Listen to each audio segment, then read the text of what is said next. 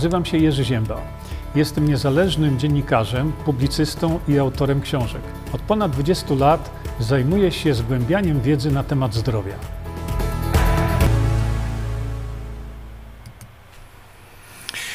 E, Witam Państwa bardzo serdecznie jeszcze raz. E, Patrzę sobie na mój monitor. O, latoś obrodziło. Czyli mamy teraz naprawdę bardzo dużo osób, które nam się tutaj podłączają teraz gwałtownie. Świetnie, doskonale. Witam wszystkich bardzo serdecznie. W związku z tym damy sobie jeszcze chwilkę na, na podejście do tego tematu. I w międzyczasie, kiedy jeszcze nam się tu Państwo dopisujecie, y, to spotkamy się właśnie na konferencji najbliższej, czego ci lekarz nie powie. No, na pewno tego nie powie wam pan profesor Filipiak, e, do którego sobie zaraz dojdziemy. Natomiast ja tam będę na, na końcu. Chyba gdzieś tam, tak, tak, na końcu jestem e, na dalekim, e, żebyście.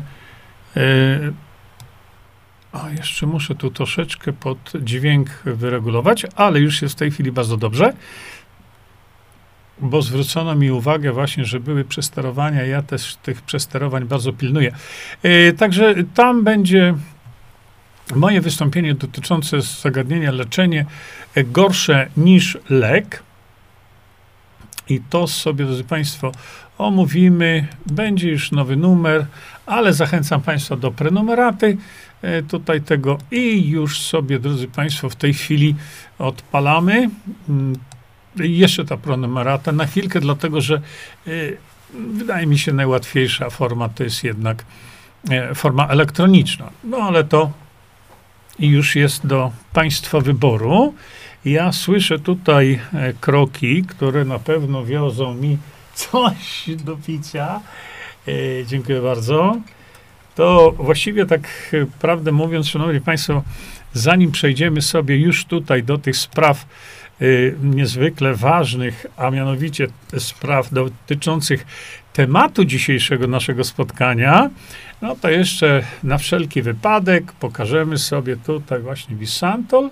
Dzisiaj przyszła kolej na Visantol, czyli kwasy tłuszczowe omega 3, 6, 9 i w odpowiedniej formie y, unikatowej formie, dlatego ja już sobie to wszystko tutaj przygotowuję. E, jeszcze tym z Państwa, którzy są nowi, a wiem, że nowi zawsze są, e, tych Państwa nowych bardzo serdecznie witam. I jeśli chcecie się dowiedzieć, co tu dzisiaj e, będę wspólnie z Wami popijał, no to właśnie ten suplement. To jest, tak jak powiedziałem, taki unikat, którego nigdzie właściwie nie znajdziecie. No i będziemy sobie dzisiaj się tu raczyć właśnie tym, bo jakoś o to zdrowie trzeba zadbać. Skoro pan profesor Filipiak o nas nie zadba, to kto zadba, prawda? E, witam pana profesora Filipiaka, bo wiem, że pan profesor e, tutaj e, dzisiaj nas ogląda lub też będzie w następnej transmisji nas oglądał. Może najpierw zanim przejdziemy do e, tych spraw takich formalnych, e, to może najpierw jednak mimo wszystko skomentuję to, co pan profesor Krzysztof J. Filipiak zapodał nam no, widzicie, y, napisał tak, ostatnie dni to zmasowany atak wyznawców inżyniera Z. Szanowny panie profesorze, jak pan ma jaja przysłowowe faceta, to niech pan napisze, kto to jest ten inżynier Z, bo ja naprawdę nie wiem, umieram z ciekawości. Oczywiście, przecież wiadomo, że to o mnie chodzi. Już ja powiedziałem, mówcie o mnie, media otwarcie. Dlaczego pan się boi? Dlaczego pan tchórzy? Co powiedzieć, Jerzy Zięba? No oczywiście, jest, ze mnie jest taki inżynier jak z pana, panie profesorze, lekarz. No ale dojdziemy sobie do tego. E, no i e, moje media i profile edukacyjne. Co tam pan edukuje? To skazany prawomocnym wyrokiem ukrywający się za granicą typ Panie profesorze, to nie jest żadną tajemnicą, ja mieszkam w Rzeszowie. Kurica nie plica, Polsza nie zagranica, było takie przysłowie, ale naprawdę, czy e, trzeba zejść tak nisko? Mając tytuł profesora, nie wiadomo dlaczego panu nadany, ale to jest inna historia, mając tytuł profesora, żeby zejść tak nisko, przecież y, ja ustosunkowałem się do pana absolutnych bredni kolosalnych, które za chwilę pokażę, sposób merytoryczny. Pokazywałem publikacje naukowe i tak dalej. Za chwilę do niektórych sobie przyjdziemy. E, natomiast no, pan jako profesor, ja bym się spalił ze wstydu, gdybym miał tytuł profesora i napisał tego typu rzeczy. Ukrywający się za granicą typ, przez którego tysiące polskich pacjentów odstawiają leki. Y, panie profesorze, y, to prawda. Y, tysiące, tysiące osób. Zawiadamia mnie bezustannie. Ja im tego nie kazałem. Ja opisałem, jak działają pewne substancje, odstawili leki. Co zrobili? Odstawili statyny. Co jest bardzo dziwne. Pan się nad tym zastanawia. Poczuli się natychmiast lepiej. Prawda? Ciekawe. Grozi im udar mózgu i zawał serca. Poważnie? A z jakiego to powodu grozi im udar mózgu i zawał serca, i to jeszcze spowodowany przeze mnie.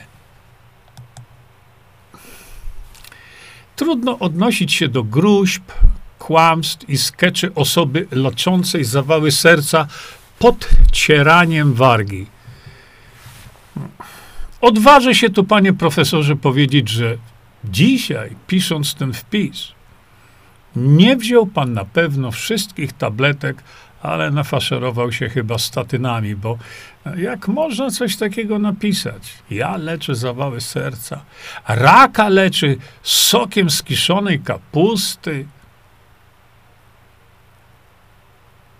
Ostrzegającego przed gotowaniem się mózgu po szczepionkach. Tak, e, szanowny panie, bo jest to określenie, którego używa dr Russell Blylock, któremu pan, no niestety, do pięt nie sięga w ogóle. To właśnie dr Russell Blylock pokazuje, że po szczepieniu, kiedy dochodzi do aktywacji mikrogleju, tylko pan nie wie pewno, co to jest mikroglej, bo pan jest zaledwie profesorem medycyny, to trzeba być inżynierem, żeby takie rzeczy wiedzieć, to wtedy mózg jest w stanie zapalnym i dlatego dr Russell Blylock mówi, mózgi są fire. Dlatego to biedne dziecko czasami, kiedy mu się poda szczepionkę, ono płacze. Ale jak długo? Przez dzień? No skąd? Wie pan o tym, że takie dziecko może płakać przez miesiąc, a nawet więcej? Dlaczego? Bo mózg is on fire. To jest stan zapalny. To nie jest tak zwany nieutulony płacz, jak bredzi tego typu androny pani profesor, e, zapomniałem na J się nazywa, ostrzegającego przed gotowaniem się mózgu po szczepionkach, to nie moje słowa, ale niech panu będzie, trudno po raz kolejny odpowiadać na pytanie o cholesterol. Ja nie wiem, czy to żart, ale cholesterol ja zawsze pisałem przez CH nie tylko medycyna, ale i ortografia alternatywna jego wyznawców. Aha, no to ktoś z państwa, y, tutaj to jest taka implikacja, że napisał cholesterol y, przez H. Nie, i to pan profesor zbulwersowany. E, czy wdawać się w dyskusje i polemiki z pozoru wyglądające na debaty naukowe? Dlaczego? Bo to trochę jak e, w dowcipie poniżej. Szanowny panie profesorze, od wielu, wielu lat robię takie propozycje profesorom, doktorom, lekarzom i tak dalej. Wyjdźmy na ubity grunt i porozmawiajmy sobie, ale publicznie. Nie w okienku Facebooka, czy tam jakiegoś innego medium społecznościowego, cenzurowanego, ile się tylko da. Tylko wyjdźmy publicznie. Ja zapraszam pana do takiej rozmowy publicznej na chociażby te tematy. Bo jeszcze nie widziałem nikogo, a zawiadamiały mnie niektóre stacje właśnie telewizyjne, że kiedy ja proponowałem coś takiego, zresztą taką propozycję opisałem Państwu również, macie konkretny list, który wysłałem i do TVN-u, i do Polsatu, żeby ośmieszyć Jerzego Ziębę. Ale zrobić to trzeba koniecznie publicznie. Polsat powiedział, że nie zainteresowany. TVN jak zwykle uciekł do mysiej dziury. I jeszcze raz powtarzam, szczególnie na temat tych szpryc teraz, e, to bardzo, ale to bardzo bym e, chciał e, podyskutować z panem profesorem.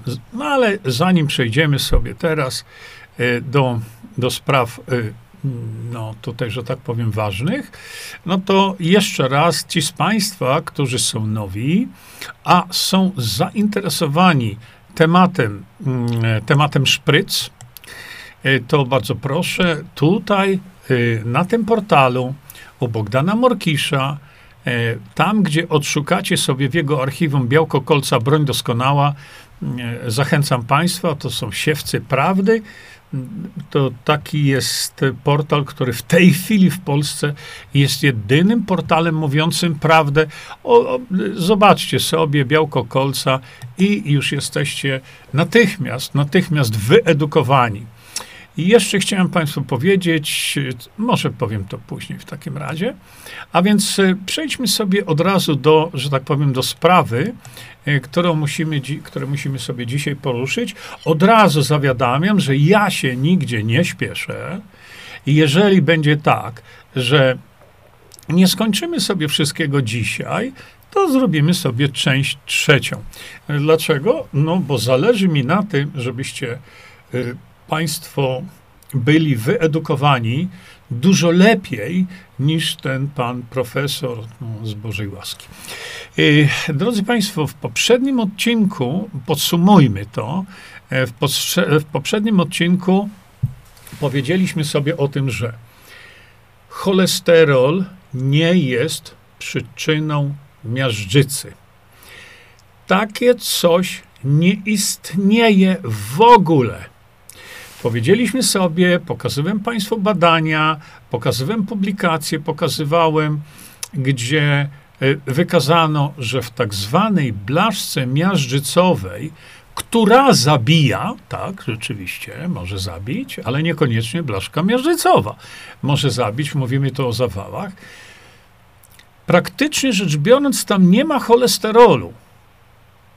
Mało tego, to pokazywałem Państwu publikacje, gdzie pokazywaliśmy sobie, że e, w blaszce miażdżycowej znajdują się jakieś tam tłuszcze, ale nie tłuszcze nasycone. Tam śladu tłuszczów zwierzęcych y, nie ma. A przecież wiecie, że od 50 z górą lat, więcej już w tej chwili będzie, straszy się ludzi na całym świecie. Straszy się ludzi cholesterolem i tłuszczem, tłuszczem zwierzęcym. Tym się ludzi straszy od chyba 60 lat. Pamiętam jak dzisiaj, kiedy mm, na spotkaniu bodajże w Szczecinie wystąpił jeden ze wspaniałych polskich kardiochirurgów, no, który zakłada stenty i tak dalej. E, doktor Michał, tak go nazwijmy, proszę bardzo. Niestety świętej pamięci. Tutaj widzicie Państwo wypowiedź tego lekarza z głową pomiędzy ramionami, który jako praktyk poprosił o głos. No i widzicie, ja mu nawet tutaj z tych moich słuchaweczek dałem mikrofon.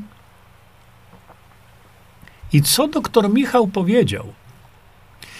Przedstawił się bardzo elegancko, oczywiście, że mm, jest kardiochirurgiem i no, robi te wszystkie bypassy i tak dalej, ale co powiedział jeszcze niezwykle ciekawego, wtedy jeszcze nie nagrywaliśmy tych, tych spotkań, powiedział tak, mam takie hobby, które wskazuje na to, że tu występujący pan Jerzy Zięba ma absolutną rację. To są słowa tego doktora. Zresztą to wspaniały człowiek. Yy, I powiedział tak: Mam takie hobby. Wypreparowuję blaszki miażdżycowe z osób, których operowałem i badam skład tych blaszek miażdżycowych. I mówi tak: cholesterol, który znajduje się w tych blaszkach miażdżycowych, to zaledwie jeden przy dobrych wiatrach 2%. Pamiętam, jaką zebrał owację wtedy pan doktor.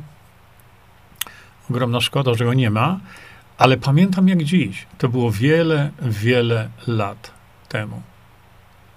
No więc, kiedy rozmawiamy sobie na temat właśnie zagrożenia tego cholesterolem, straszą nas tyle lat, to praktyk w tej dziedzinie, którego hobby było badanie składu, powiedział: Jerzy Zięba ma rację.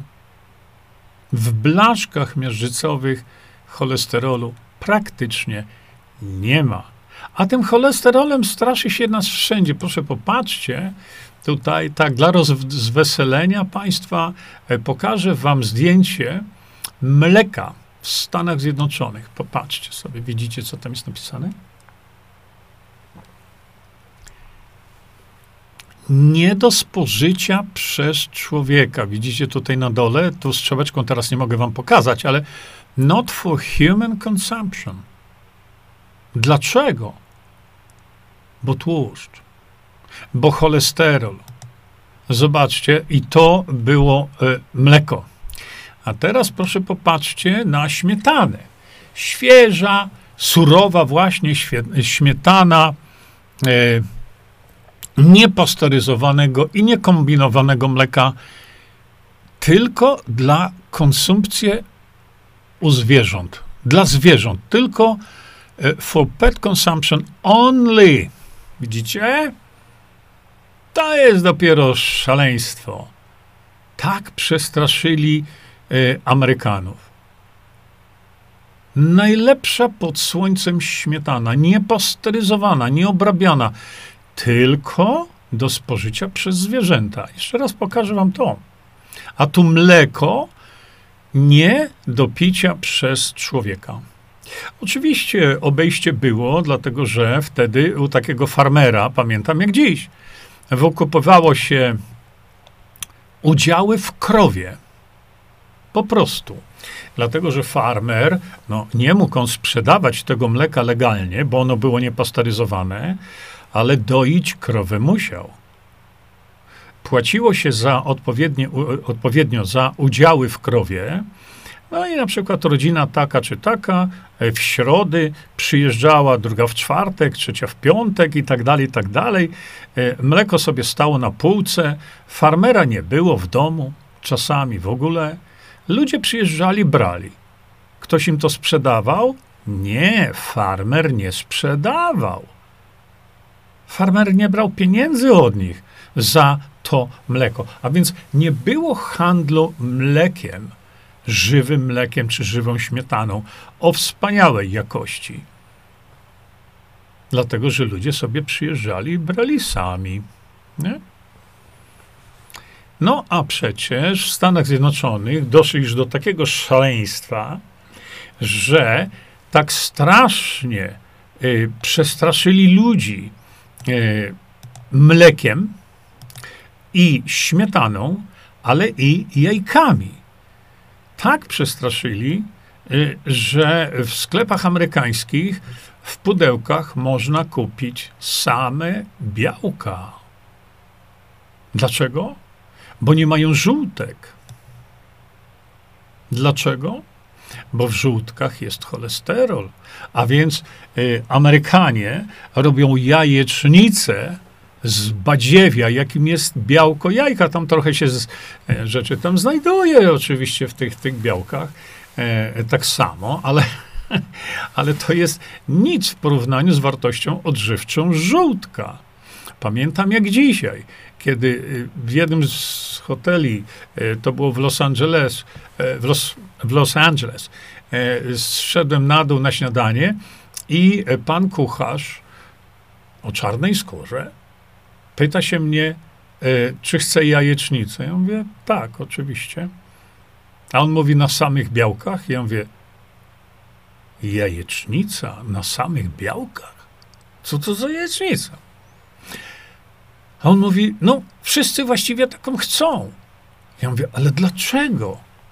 On mówi, cholesterol. Cholesterol. I dlatego Państwu mówię to jako, jako takie troszeczkę, widzicie tutaj rozśmieszenie nas, ale do takiego, takiej głupoty żeśmy doszli. Yy, następna sprawa, którą tu, teraz, w tej chwili muszę przytoczyć, to jest yy, mm, to, co Państwu pokazywałem, jak tworzony jest cholesterol. Dlaczego to jest takie ważne? Bo jeśli o to zrozumiemy, to rozumiemy już wszystko. Jeśli to zrozumiemy, to nie trzeba być lekarzem, z jakimś tam fonym profesorem, tytułem. Trzeba mieć tylko odrobinę zdrowego rozsądku, nic więcej. Proszę popatrzcie. Tutaj od góry jest taka specjalna substancja, która, no, krótko mówiąc, rozpoczyna szlak metaboliczny, który na końcu doprowadza do wytworzenia cholesterolu. Widzicie? I to jest normalna reakcja w naszym organizmie. Teraz proszę popatrzcie. Y, tutaj y, jest taka e, reduktaza, to się fachowo nazywa, y, która w organizmie w działaniu normalnym powoduje do powstania mewalonianu, potem pirofosforanu fearnezylu, potem skwalenu, a na koniec cholesterol. To jest niezwykle ważne. Mało tego, to ta substancja, oto na samej górze, uruchamia reakcja, gdzie w międzyczasie po, y, y, powstaje koenzym Q10.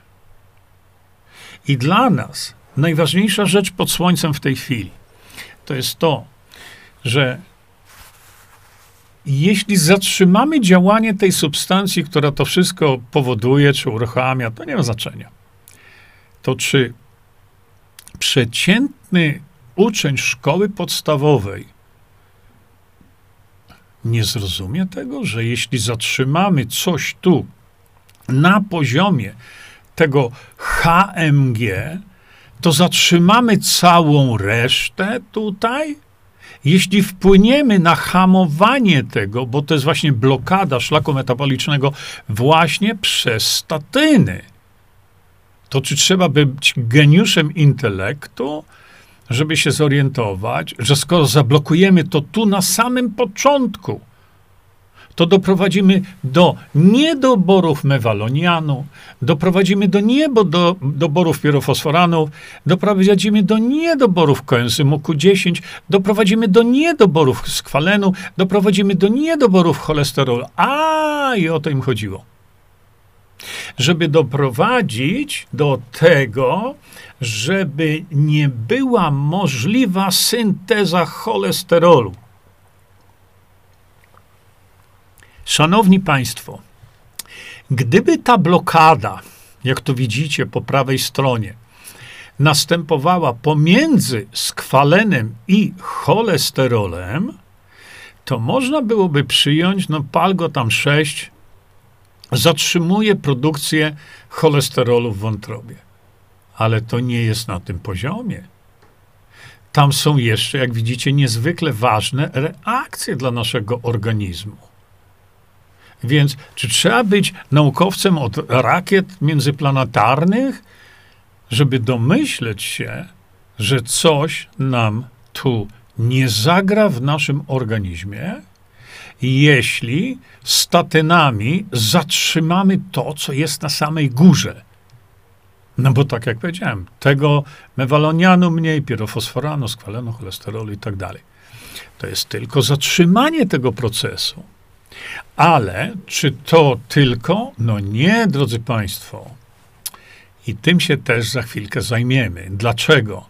Dlatego, że gdyby te statyny zatrzymywały tylko te procesy różne, mielibyśmy ogromne problemy, prawda? Wynikające z tego, że wiele innych reakcji nie idzie. Jest zatrzymane. Ale statyny mają jeszcze gorsze działanie i o tym sobie tutaj powiemy. Tych badań, słuchajcie, było w tej chwili naprawdę bardzo dużo. Dlaczego więc nikt nie mówi o wynikach tych badań? Jeszcze przygotowałem sobie tutaj coś dla Państwa. Za chwilkę sobie tutaj zobaczycie. E, zaraz czekajcie.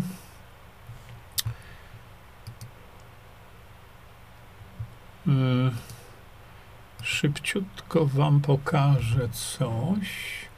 O, zapomniałem jeszcze tutaj Wam to pokazać.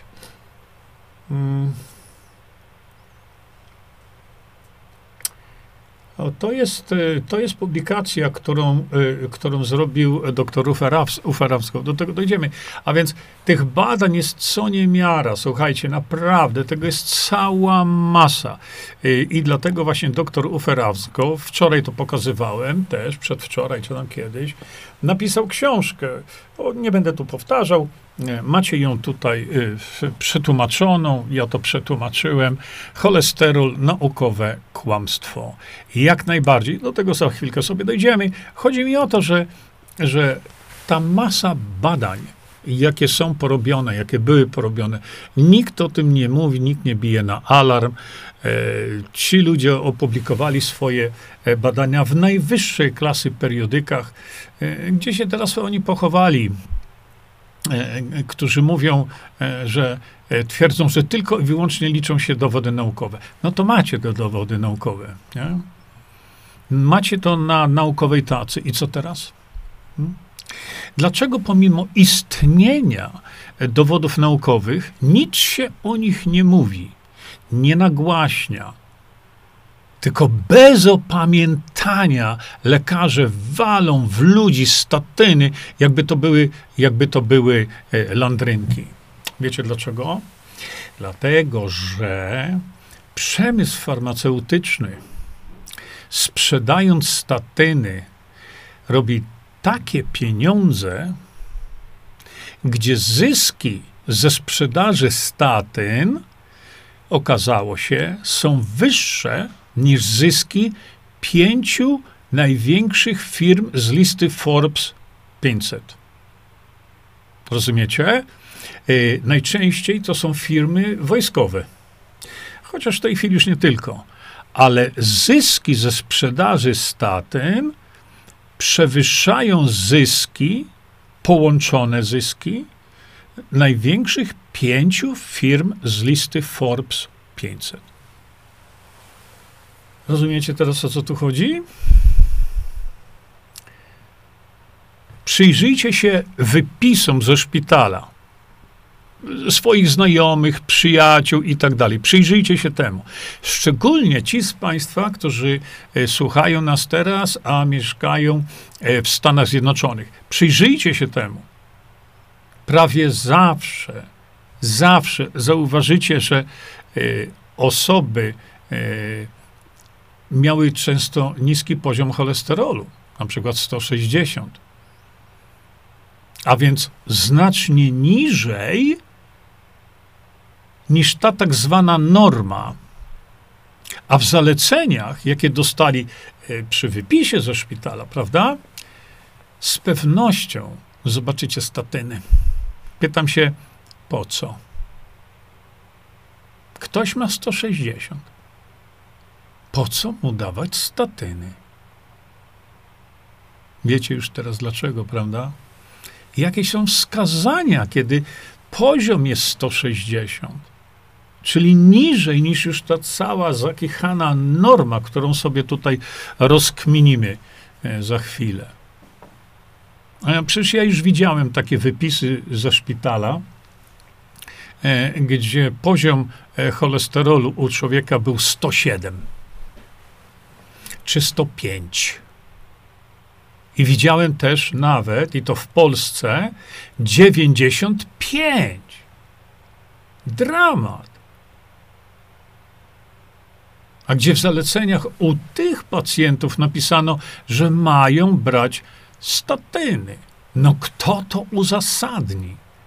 A tak właśnie się dzieje. No więc jeśli my mamy pacjenta o poziomie e, cholesterolu 100 czy 95 i w, w, w, wypisie ma zalecenie brać statyny, to ktoś, kto robił wypis, jest to zdrowym umyśle? Panie profesorze, dobrze to jest tak? To przecież pana koledzy lekarze to robią.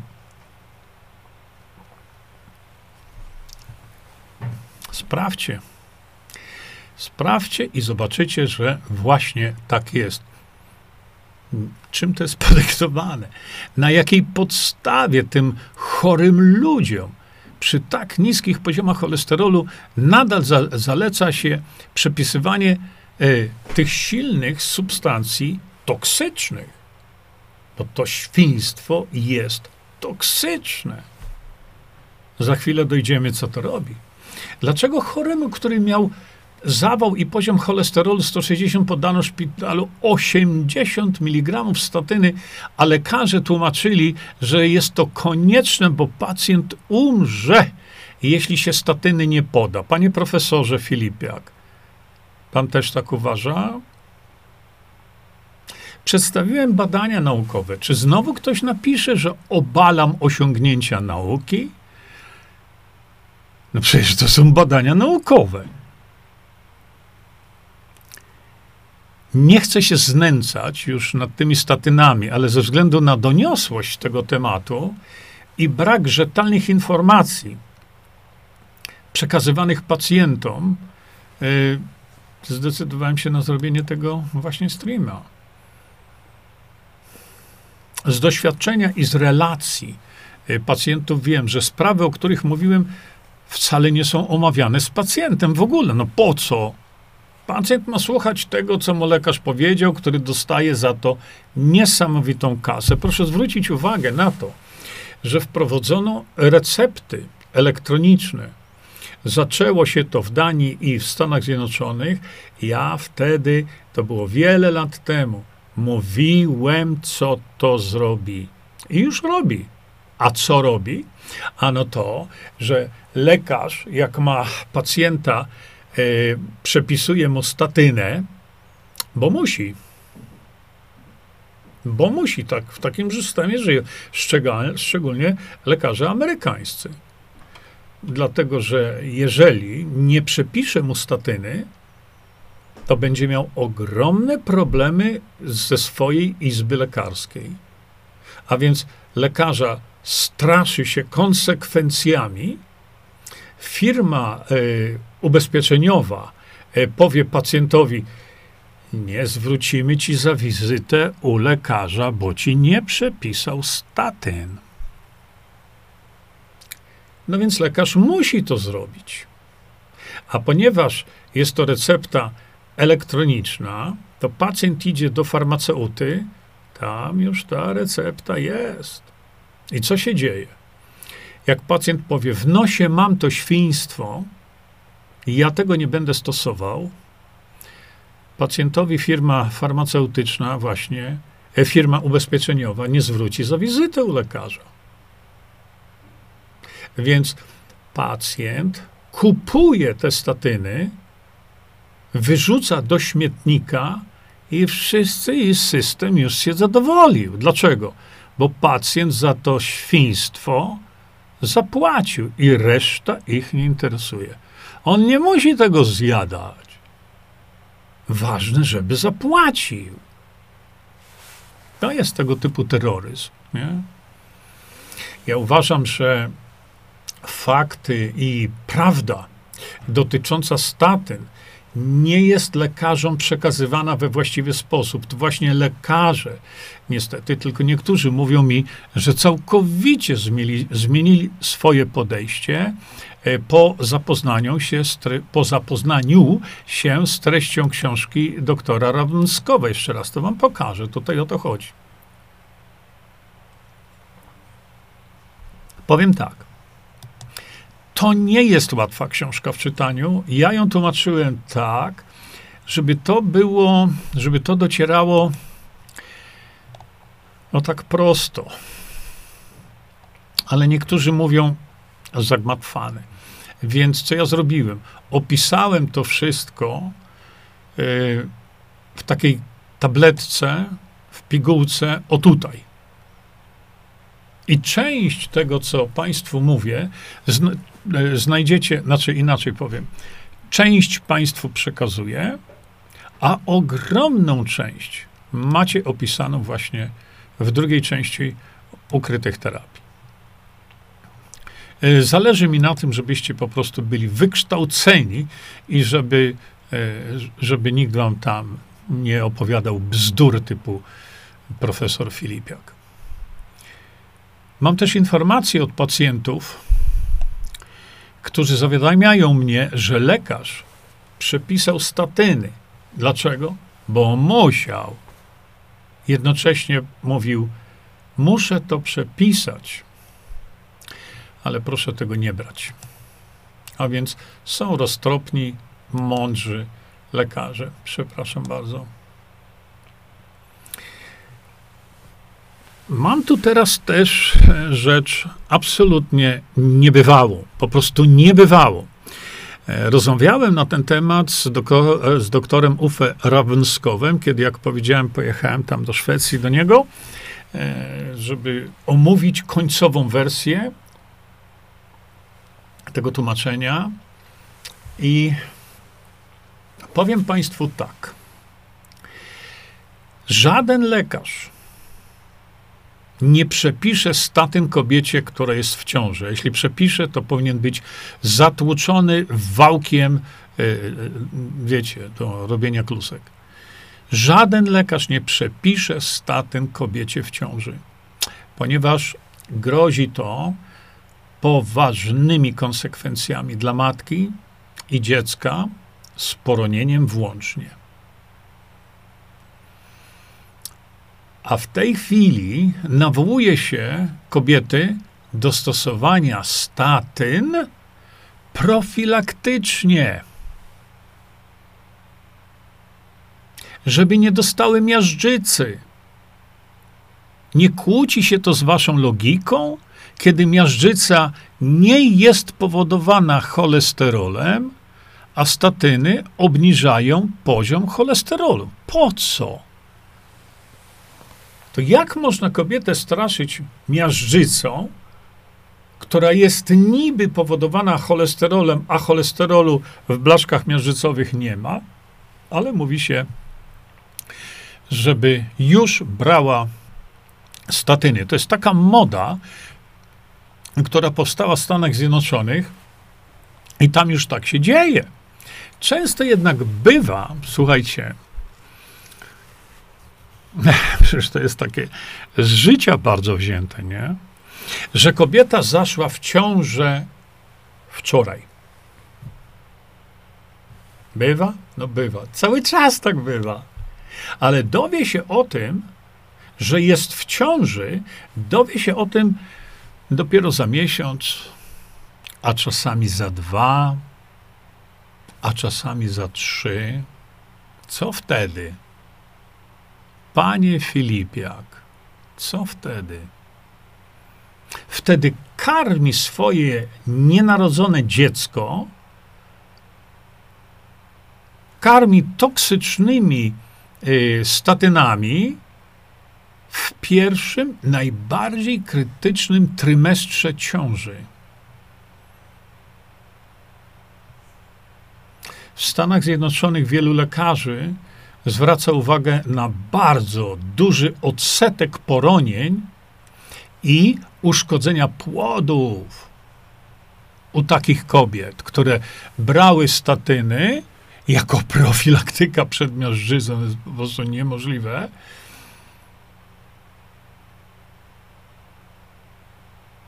I to jest zjawisko tam powszechne.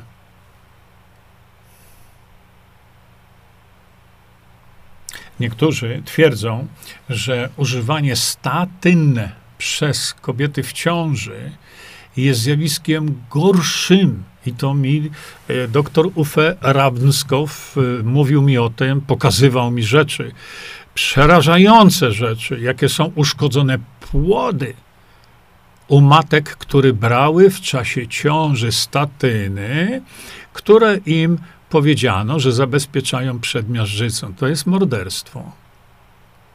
Bo te płody były tak potwornie uszkodzone, że doktor Rawsko mówi mi, że używanie statyn w okresie ciąży jest zjawiskiem znacznie gorszym, efekty są znacznie gorsze niż to, co kiedyś w przeszłości powodował talidomid. Pamiętacie to? Młodzież tego nie pamięta, ale talidomid był podawany powszechnie kobietom, e, które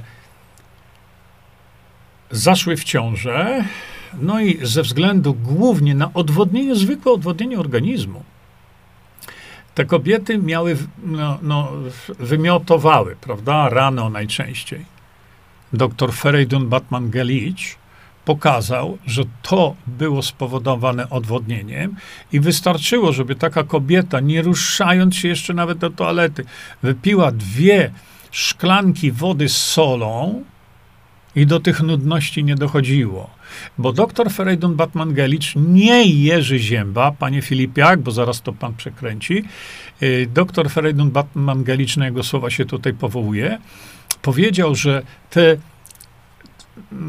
to y, te nudności, one są spowodowane odwodnieniem organizmu kobiety, bo ona ma dwa organizmy. Swój i dziecka. I wtedy stosowano talidomid. I wtedy y, rodziły się dzieci, wiecie, z rączką na głowie na przykład. No ale widzicie, firmy farmaceutyczne już rozpoczęły y, trend taki, do Polski, z tego co wiem, na szczęście jeszcze nie doszedł, żeby statyny można było kupować w supermarketach, na stacjach benzynowych. Nie? Jak widać, w świetle tych informacji y, dotyczących krytycznej roli cholesterolu i jego ogromnego znaczenia dla zdrowia człowieka, y, to jak wyglądają słowa jednego z profesorów medycyny, który w jednym z ogólnopolskich tygodników powiedział, że statyny to najlepiej przebadany i najbezpieczniejszy lek na świecie. No właśnie. Szanowny panie profesorze, prawda to czy fałsz? Oczywiście pan profesor powie, że tak, najlepiej przebadany lek na świecie. A co on leczy? Skoro statyny są lekiem, to co one leczą? Nic. Bo jeśli ktoś ma już y, w szczególności rozwiniętą, y, mm, y, rozwiniętą miażdżycę, to proszę mi pokazać jeden przykład kiedy stosowanie statyn spowodowało, że te złogi miażdżycowe zniknęły. Panie profesorze, ma pan jeden taki przypadek? Ja byłbym bardzo tym zainteresowany, bo jednemu z profesorów w Radiu Katowice zadałem to pytanie, a on powiedział, że tak, to się działo u jego ojca. Ja mówię, no niemożliwe, poważnie. Statyny spowodowały usunięcie blaszek miażdżycowych?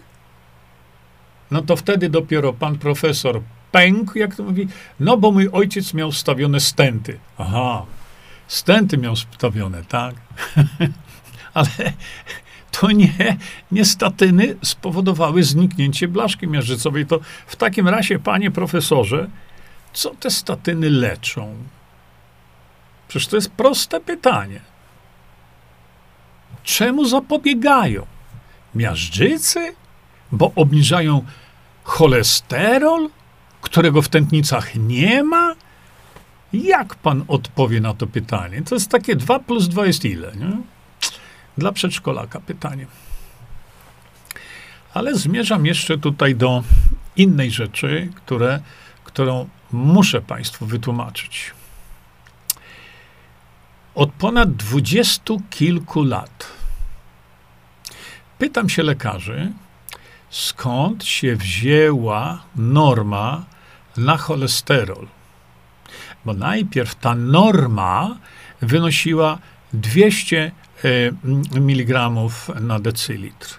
Ale skąd ona się wzięła? No. Panie profesorze Filipiak, wie pan skąd się wzięła ta norma, która wtedy była ustalona na 200, teraz jest na 190, to już nas, następne oszustwo. No więc pan profesor Filipiak nie ma zielonego pojęcia, się założę. Stawiam moją tezę. Teraz to już naprawdę jest to moja teza. Szanowni Państwo, zawsze w takich przypadkach, kiedy mówimy o tym, no skąd ta tak zwana norma się wzięła? O co tu chodzi? Bo lekarze, patrząc na badania laboratoryjne, to patrzą właśnie na normy. Dla wielu lekarzy PAL 6, co pacjent tam pokazuje, szczególnie na przykład w przypadkach tarczycy, to widzę to cały czas. Nie liczy się, jak ten pacjent wygląda, jak on gestykuluje, jak mówi, jak pachnie jego skóra, jak y, y, y, sposób mowy. To się nie liczy. Dla nich liczy się norma, cyferka z laboratorium. Pacjent nie.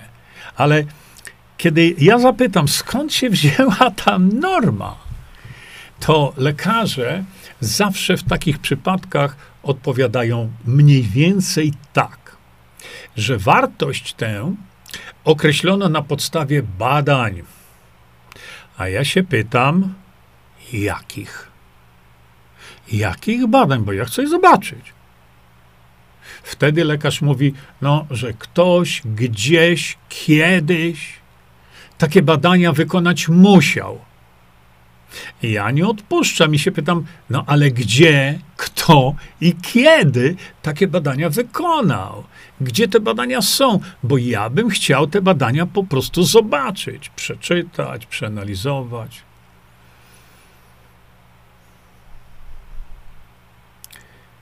Wtedy zrezygnowany i umęczony mną lekarz najczęściej mówi, no, że takie ma właśnie zalecenia i wytyczne. No, ja często wtedy nie odpuszczam. I kiedyś, to już było jakiś czas temu, zapytałem o to krajowego konsultanta do spraw kardiologii oraz przedstawiciela y, tak zwanej czwartej wspólnej grupy roboczej, y, Europejskiego Towarzystwa Kardiologicznego. Długa nazwa, ale to takie coś tam w Unii Europejskiej jest. I innych też towarzystw do spraw prewencji chorób sercowo-naczyniowych w praktyce klinicznej. No zapytałem się, skąd wy dajecie polskim lekarzom takie wytyczne, takie zalecenia, na jakiej podstawie wy to robicie?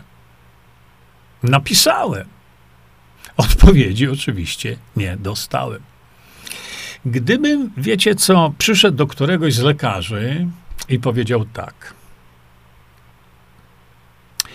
że jeden z parametrów krwi, to taki wyimaginowany, nie? bo to jest tylko przykład. Jeden z parametrów krwi powinien mieć wartość 40. I ta wartość powinna być uznana jako norma dla milionów ludzi na świecie. To z pewnością bym je wyśmiał. powiedziałby na pewno, że y, żeby taką wartość wprowadzić dla milionów ludzi na świecie, należy przeprowadzić badania na dziesiątkach tysięcy zdrowych ludzi, a następnie opracować to statystycznie. Poza tym, y, na pewno by mi powiedział, że organizm człowieka nie działa zero-jedynkowo. Z pewnością również by mi wyjaśnił, jak to się e, w praktyce robi, czy też jak to powinno się robić. Powiedziałby mi, że po dokonaniu badań na tysiącach ludzi na całym świecie, wyniki przedstawia się najczęściej w postaci e, tak zwanej, e, niektórzy z Państwa wiedzą, tak zwanej krzywej Gaussa. I dopiero wtedy można cokolwiek powiedzieć. Statystycznie rzecz biorąc, po tysiącach ludzi zdrowych, którym to podano, że ta wartość powinna być 40. Zapytajcie swojego lekarza, skąd się wzięła ta norma 200 na cholesterol. No bo skoro lekarz jest przygotowany przepisać nam jakiś nienaturalny dla nas syntetyk, mający ogromną liczbę skutków ubocznych, o czym też sobie powiemy, y, takich jak zwiększone prawdopodobieństwo wystąpienia choroby nowotworowej, cukrzycy, niedowładów, utraty pamięci, a nawet, jak pokazałem wcześniej, miażdżycy, czyli świństwo syntetyczne powodujące powstanie miażdżycy. Omówiliśmy to sobie w poprzednim e, odcinku. To na jakiej naukowej podstawie ten lekarz mi to świństwo przepisuje? A ja tylko proszę o podstawę naukową. Panie Filipiak, Wie pan, na jakiej podstawie wprowadzono normę 200, którą później zredukowano do 190 i powiem potem może jeszcze dlaczego?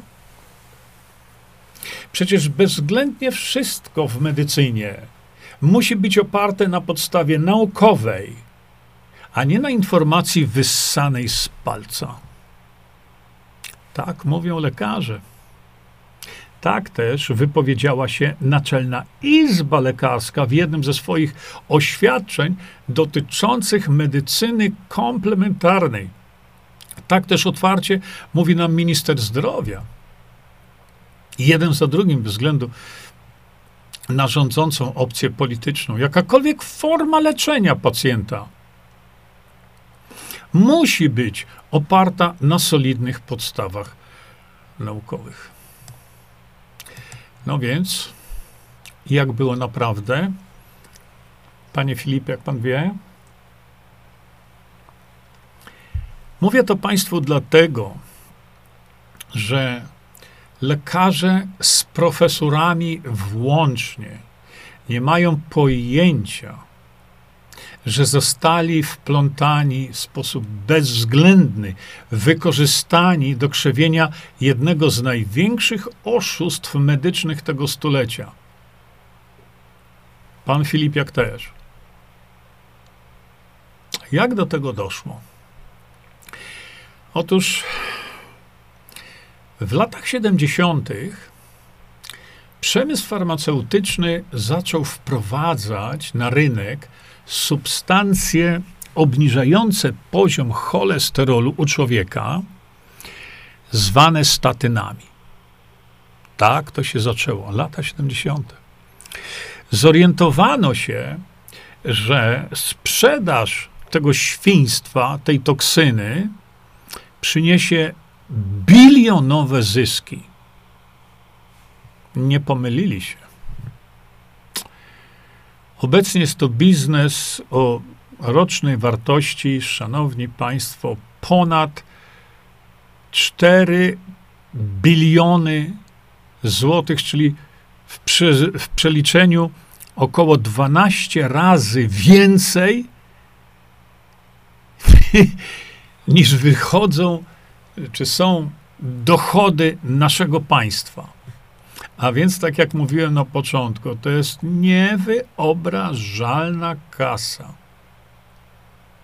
I wtedy, mówię, to są już lata 70., nie? Y, wtedy zaczęto tępić ludzi, którzy wskazywali na coś innego. Takim bohaterem, bohaterem był y, doktor Kilmer McCauley. Ja tu teraz o nim nie będę mówił, ale wielokrotnie wspominałem. Dlaczego? Dlatego, że dr Kilmer McCauley pokazał, że jeżeli stężenie homocysteiny w naszym organizmie będzie wysokie, to będzie miażdżyca. Nie zatrzyma się tego żadnymi statynami. To co zrobili? Wykleli tego człowieka, zniszczyli go kompletnie. Miał wtedy dzieci e, w koledżu, w szkole. Nie miał, na co, nie miał co jeść. Znajomi go utrzymywali. Y, potem znalazł w końcu, chyba po dwóch latach, jeśli dobrze pamiętam, znalazł pracę e, w szpitalu dla,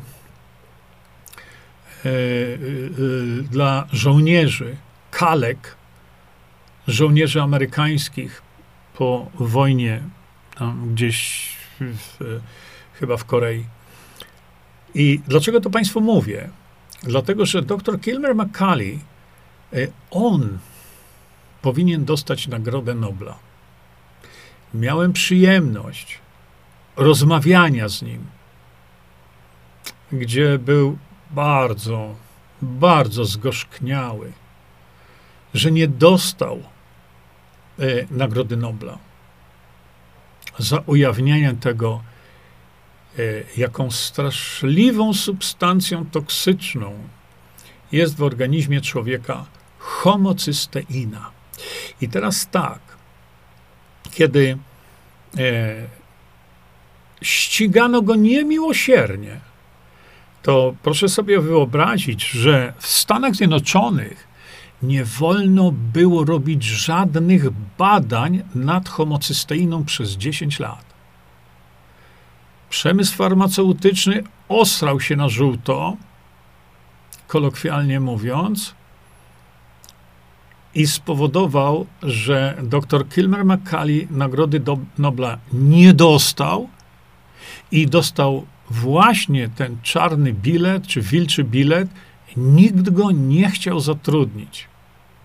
Dopiero ten szpital dla tych kombatantów się zlitował. Dlaczego to było takie ważne?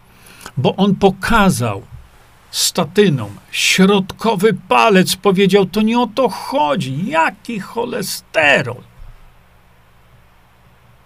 To homocysteina zniszczy tętnicę, doprowadzi do miażdżycy.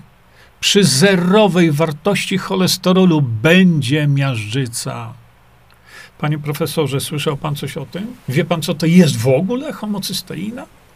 A czy wie pan, że e, są e, publikacje naukowe, które donoszą, że jeżeli przyjąć, że cholesterol jest jakimś czynnikiem ryzyka, a omawialiśmy sobie czynnik ryzyka, czym jest czynnik ryzyka, a czym jest przyczyna choroby.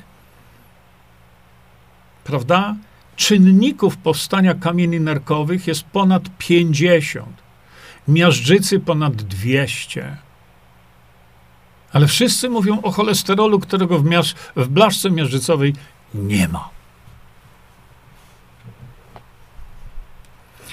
To jeśli uznamy, że czynnikiem ryzyka, nawet zróbmy takie karkołomne wyobrażenie sobie, taką, takie doświadczenie mentalne, że jeśli przyjmiemy, że czynnikiem ryzyka powstania choroby miażdżycowej jest cholesterol, cholesterol, to homocysteina jest czynnikiem o 40 razy większym. No i co, panie profesorze? Bada pan, bada pan e, homocysteinę swoim pacjentom? Już widzę to. Ile osób, kiedy zacząłem to nagłaśniać, mówiłem bardzo dużo na ten temat. Zacząłem nagłaśniać, jaka ważna dla człowieka jest stężenie, jak jest ważne stężenie homocysteiny. Y, to też byłem wyzwany o niektórych lekarzy. Ludzie mi pisali, że byłem o lekarza i prosiłem o badanie homocysteiny. To po pierwsze, lekarz nie wiedział, co to jest. Y, byłem świadkiem sam na Śląsku w laboratorium, gdzie poszedłem zbadać sobie poziom homocysteiny, a pani laborantka mówi: Proszę pana, ja tu pracuję 14 lat. Jeszcze nikt się mnie o to nie pytał. No w takim stanie jesteśmy, kiedy jest to środek 40 razy większy y, y, czynnik ryzyka niż cholesterol. No, to co teraz, panie profesorze Filipiak? Jak pan to skomentuje?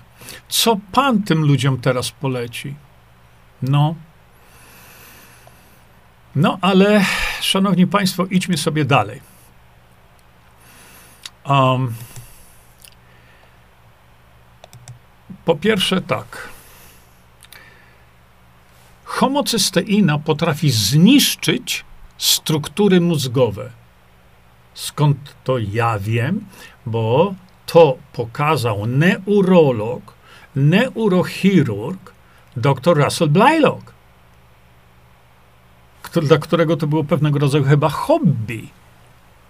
I dlatego właśnie ja kiedyś rekomendowałem od chyba 20 lat badać stężenie homocysteiny we krwi, bo tak po 50, po 40 warto to zbadać. Dzisiaj zmieniam zdanie.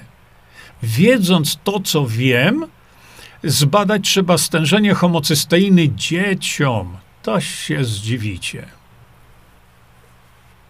Ale nastąpiła właśnie y, ciekawa rzecz. Otóż wielu amerykańskich lekarzy w tym czasie właśnie sprzeciwiało się pomysłowi y, y, przemysłu farmaceutycznego, żeby sztucznie obniżać poziom cholesterolu. Sztucznie. Wielu odmawiało lekarzy przepisywania tej substancji. Oczywiście przemysłowi farmaceutycznemu to nie było na rękę. Dlaczego? No wiemy dlaczego. No i taka sytuacja nie mogła być długo tolerowana przez przemysł farmaceutyczny.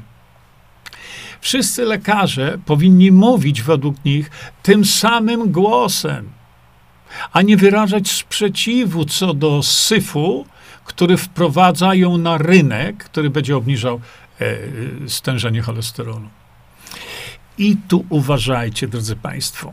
W związku z tym, w 1984 roku w, roku w San Diego w Kalifornii zorganizowano tak zwane The National Consensus y, The National Consensus Development Conference on Lowering uh, Blood Cholesterol uh, to Prevent Heart Disease.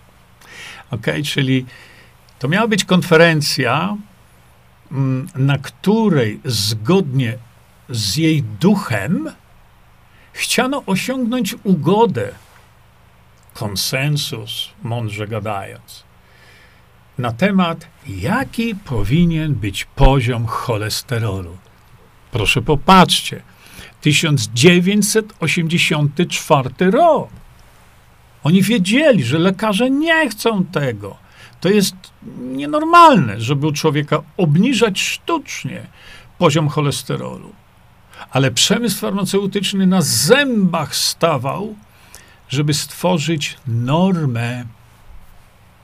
Bo wtedy już mają z górki, prawda?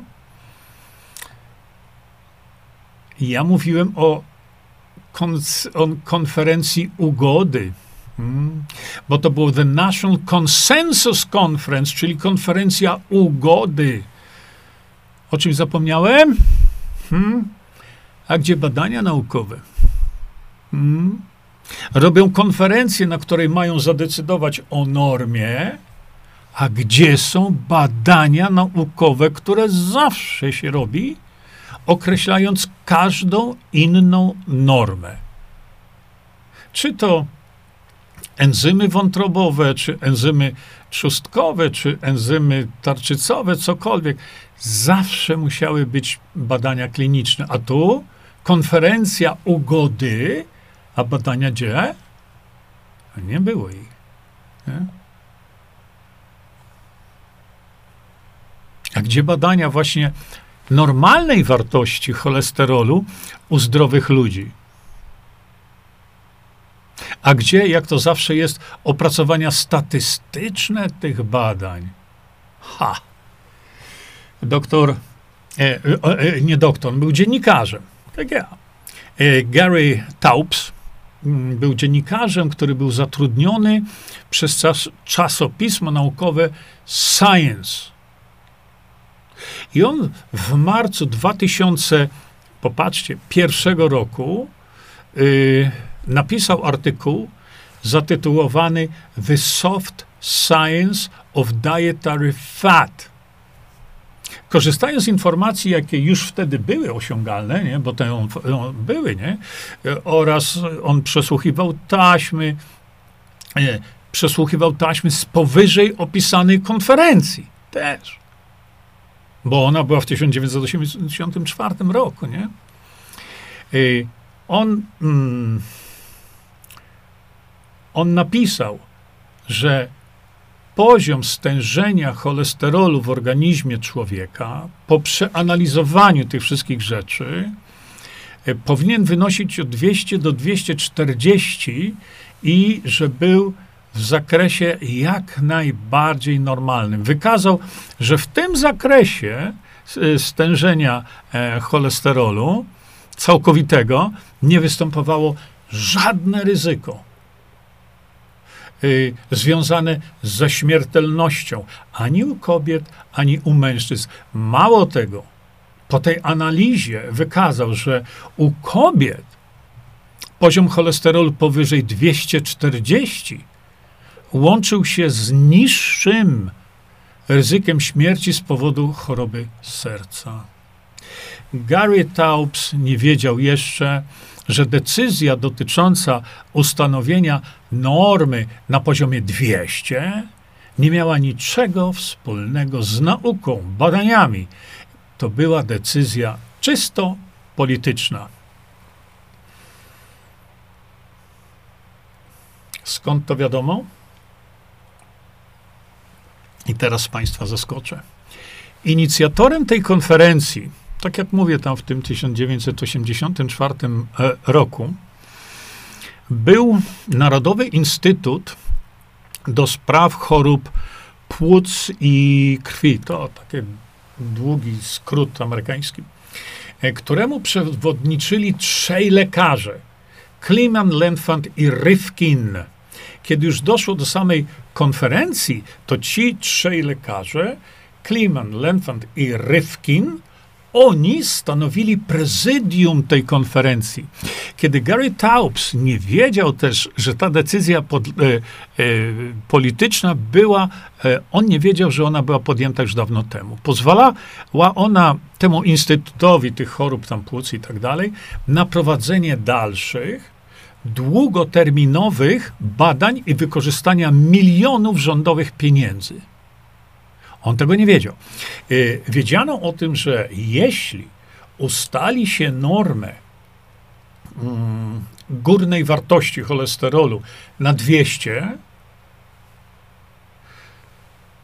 wtedy takimi badaniami, żeby było 200, można objąć miliony zdrowych Amerykanów i wykazać, że muszą być leczeni. Dlaczego? Bo miliony Amerykanów miało stężenie cholesterolu powyżej 200. Wiadomo było również, e, że e, jeżeli się popatrzyło na zdrowego człowieka, to e, poziom cholesterolu 200-260, wtedy przy takim poziomie jego obniżenie w sposób dietetyczny, stosując samą dietę, było niemożliwe. Tego mogło, mogły dokonać tylko statyny. I o to chodziło. Przed rozpoczęciem tej konferencji ugody trzej tam wyżej wymienieni lekarze stali w sali konferencyjnej, rozmawiając między sobą, uważajcie, między sobą, jaki poziom cholesterolu e, ustalić jako normę dla milionów ludzi na świecie, ponieważ nawet między nimi nie było całkowitej zgody. Między nimi tymi trzema. Ale mieli chłopcy pecha. Wielkiego pecha. Tuż obok stała pani doktor Mary Enig z grupką naukowców. E, doktor Mary Enig, ach, to była, słuchajcie, wspaniała kobieta, nie żyje. A ona była biochemikiem, była bardzo słynnym e, naukowcem w Stanach Zjednoczonych. Doktor Enig słynna była e, z tego, ze swojej walki o wycofaniu z rynku sztucznie utwardzonych olejów roślinnych, margaryn. Ponieważ ona w swoich badaniach wykazała wielokrotnie, ponad wszelką wątpliwość, ich szkodliwość, margaryn, szkodliwość dla zdrowia człowieka. Była bardzo sławna. Jej sława wynikała e, e, również z tego, że oprócz bycia wspaniałym naukowcem, była też znana z niezwykłej wiarygodności. Oraz tego, że pomimo wielu, wielu prób nie udało się w żaden sposób przemysłowi farmaceutycznemu jej przekupić. Jako osoba i jako naukowiec, e, no, jak wiemy, wiele przecierpiała z tego powodu. Jej uczciwość i głoszenie prawdy były wręcz legendarne. I tu teraz y, zacytuję Państwu słowa dr Mary Enig, ale ze względu na wagę tego pokażę Państwu to i przeczytam. Zacytuję słowa dr Mary Eni, które już w 1984 roku podała do wiadomości publicznej. Nikt nie zwrócił jednak na nie uwagi. I teraz cytuję słowa pani doktor Mary Enig. Panie Filipiak, niech pan słucha. Kilkoro z nas z grupy badawczej Wydziału Chemii Tłuszczów z Uniwersytetu w Maryland stało bezpośrednio za nimi, za tymi, co wcześniej powiedziałem, lekarzami. Słysząc wyraźnie ich rozmowę, jeden z nich powiedział: Nie możemy ustalić tego na poziomie 240. Musi to być 200. W przeciwnym wypadku nie będziemy mieli wystarczającej liczby osób do prowadzenia badań. Popatrzyliśmy na siebie i już nikt z nas się nie zdziwił, kiedy usłyszeliśmy, jaka to ma być norma. Nie wiem, czy do końca wszyscy zdają sobie sprawę z wagi tego, co się stało. Naprawdę. W ten właśnie sposób oszukano pana profesora Filipiaka, tylko ja nie wiem, czy on w ogóle wie, że został oszukany. Oszukano lekarzy na całym świecie.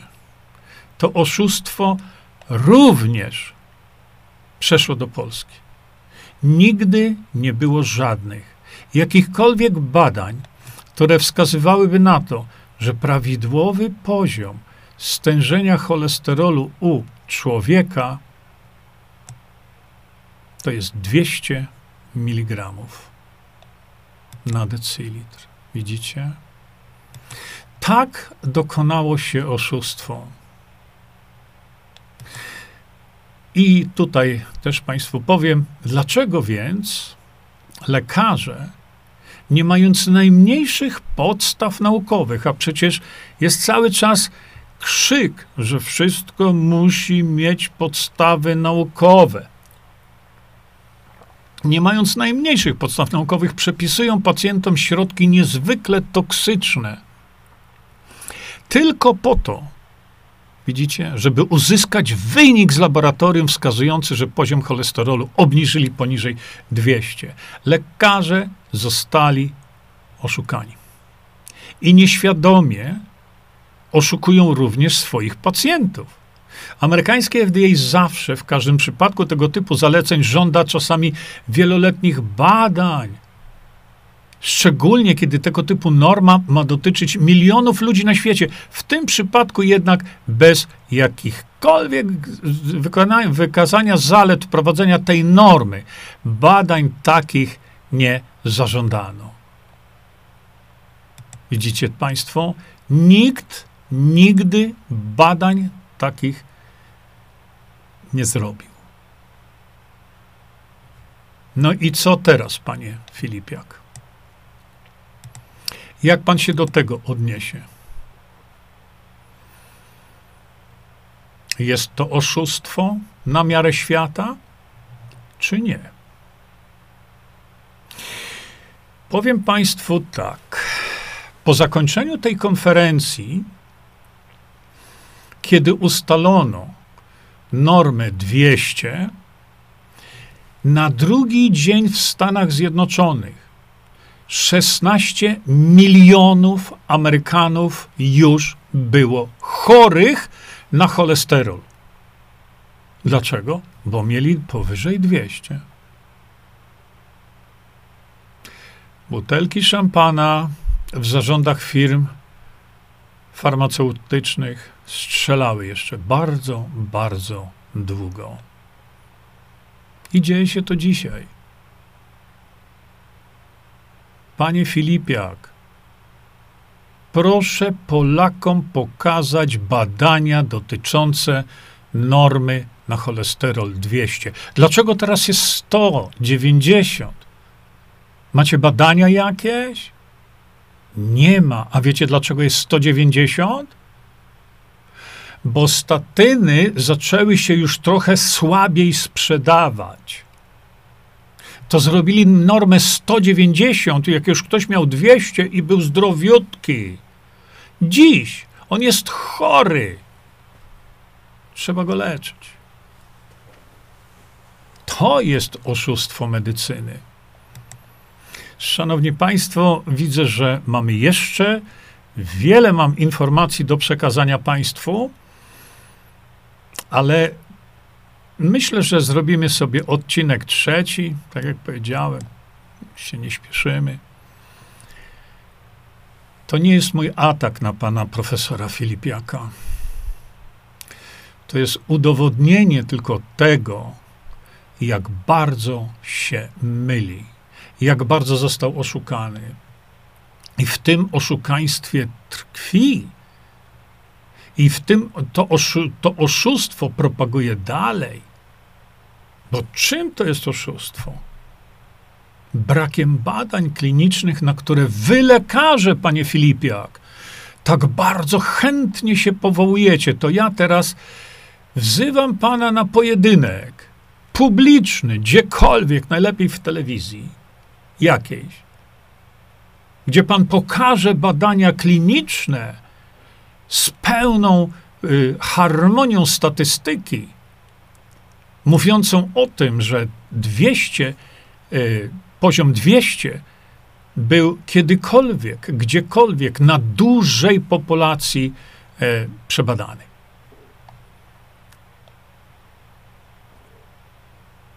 Oszukali pana. A pan, jako inteligentny człowiek, powinien szybko się z tego wycofać. Dlaczego?